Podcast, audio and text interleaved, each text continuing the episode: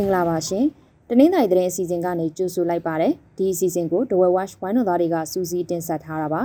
ဒီကနေ့တင်ဆက်ပေးမယ့်သတင်းတွေကတော့ဒဝဲကငှက်ပြားတိုက်ဖြတ်ရေးအဖွဲ့ကဆရာဝန်၃ယောက်နဲ့ကျမ်းမာရေးအရာရှိတူအဖမ်းခံရတဲ့အကြောင်းစစ်ကောင်စီကစစ်ကြောင်းထိုးမှစိုးရင်ပြီးလောင်းလုံးမြို့နယ်ကြောက်ဝတ်ပြင်ကဒေသခံတွေတင်းရှောင်နေရတာစစ်ကောင်စီကနဘူးလေဒေသကိုစစ်ကြောင်းထိုးနေပြီးဒေသခံတွေကိုလည်းဖမ်းဆီးထားတဲ့အခြေအနေ ရေကြီးနှိမ့်မြုပ်လို့တဝဲခရိုင်ကလဲတွေစပားမအောင်ပဲဖြစ်နေတဲ့အကြောင်းမွန်ပြည်နယ်ဘီလင်းမြို့နယ်မှာရေကြီးရေရှမ်းနာတွေဆက်ဖြစ်ပွားနေတာ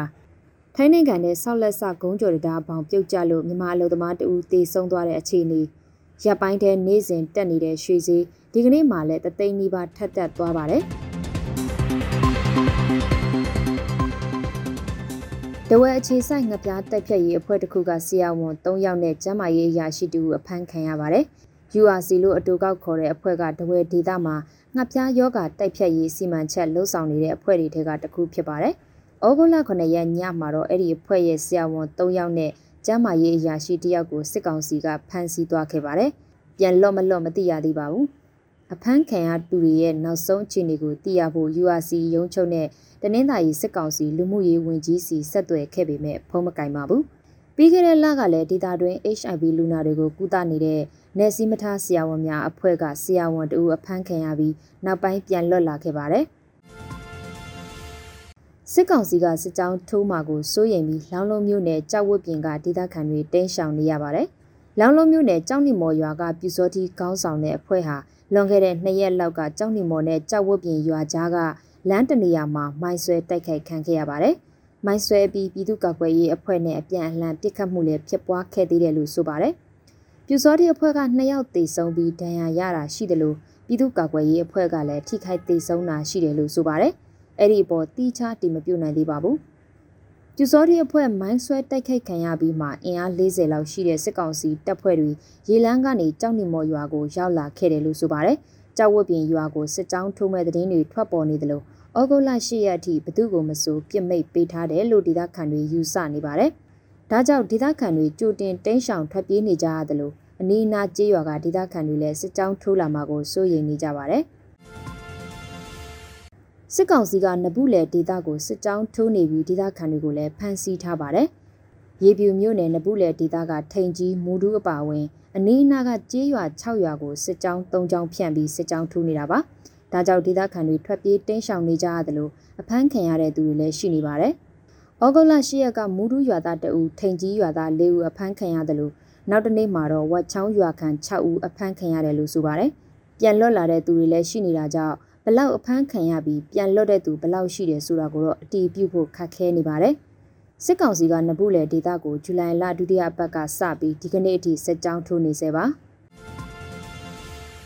ရေကြီးနှိမ့်မြုပ်လို့တဝဲခရိုင်ကလယ်တွေစပားမအောင်ပဲဖြစ်နေပါတယ်။တဝဲခရိုင်ထဲဇူလိုင်လနောက်ဆုံးပတ်ကစပြီးမိုးသဲထန်နေလို့ရေကြီးရေရှမ်းတာတွေဖြစ်နေပါတယ်။ရေကြီးနှိမ့်မြုပ်ပျက်စီးသွားတဲ့လယ်တွေလည်းရှိနေတယ်လို့ပျက်စီးသွားတဲ့နေရာအစားထိုးပြန်စိုက်ပျိုးဖို့ပြိုးပင်တွေလည်းဝယ်ရခက်ခဲနေပါတယ်။ပြိုးပင်ဝယ်မရလို့ထပ်မစိုက်ပဲပြစ်ထားလိုက်တဲ့သူတွေလည်းရှိနေပါတယ်။တချို့ကတော့ခဲရခဲစင်မျိုးစပါးပြန်ကျဲစိုက်ပျိုးနေကြတယ်လို့ဆိုပါတယ်။ ပြိုးပင်ဖိုးနဲ့နေတွက်စရိတ်တွေမြင့်တက်နေတဲ့အချိန်စပားမအောင်တာကြောင့်စပားစိုက်ကုန်ကြစရိတ်ဟာလည်းမနှစ်ကထက်3-4ဆပိုမိုကုန်ကြနေကြပါတယ်။ဒီနှစ်မိုးရသည့်တင်းသာရီတိုင်းမှာစပားစိုက်ဧက9000ကျော်ရှိတယ်လို့ဆိုပါတယ်။အဲ့ဒီထဲကဘလောက်ပမာဏရေနစ်မြုပ်ပျက်စီးသွားတယ်ဆိုတာတော့မသိရသေးပါဘူး။မွန်ပြည်နယ်ဘီလင်းမြို့နယ်မှာရေကြီးရေရှမ်းနာတွေဆက်ဖြစ်ပွားနေစေပါ။ရေဘေးကြောင့်ဒေသခံ8000လောက်ကိုကယ်ဆယ်ရေးစခန်းတွေစီပို့ဆောင်ထားရပါတယ်။ မြို့ပေါ်ရက်ွက်တွေအပါအဝင်ကျေးရွာ6ရွာမှာရေကြီးရေရှမ်းနေတာပါမိုးတဲထန်စွာရွာသွန်းမှုနဲ့အတူဘီလင်းမြစ်ရေမြင့်တက်လာတာကြောင့်အခုလိုရေကြီးရေရှမ်းဖြစ်ပွားနေတာပါဒီကနေ့နေ့လယ်ပိုင်းအထိတိုင်းထွာချက်အရဘီလင်းမြစ်ရေဟာစိုးရင်ရေမှတ်နားကိုကတ်လာနေတယ်လို့ဆိုပါတယ်ရန်ကုန်မော်လမြိုင်ကားလမ်းမှာလည်းရေကျော်နေလို့မနေ့ကစပြီးကားတွေဖြတ်တန်းသွားလာခွင့်ယာယီပိတ်ထားပါတယ်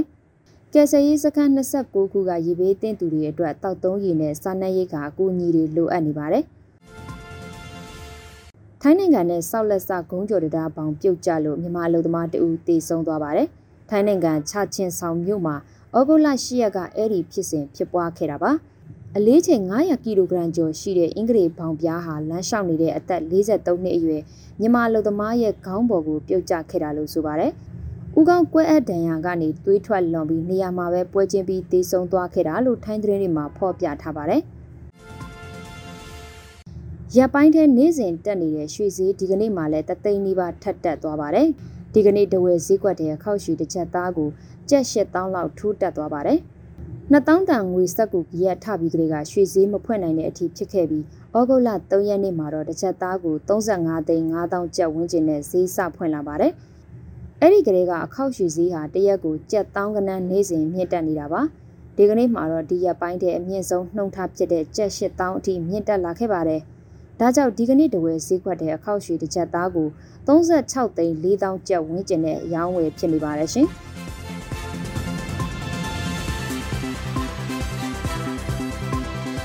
အခုလိုနားဆင်ပေးတဲ့အတွက်ကျေးဇူးအထူးတင်ရှိပါတယ်မြန်မာနိုင်ငံသားများကပီးပေါင်းကနေအမြန်ဆုံးလွတ်မြောက်နိုင်ပါစေလို့ The Well Watch ဝိုင်းတော်သားများကဆုမွန်ကောင်းတောင်းရပါတယ်ရှင်။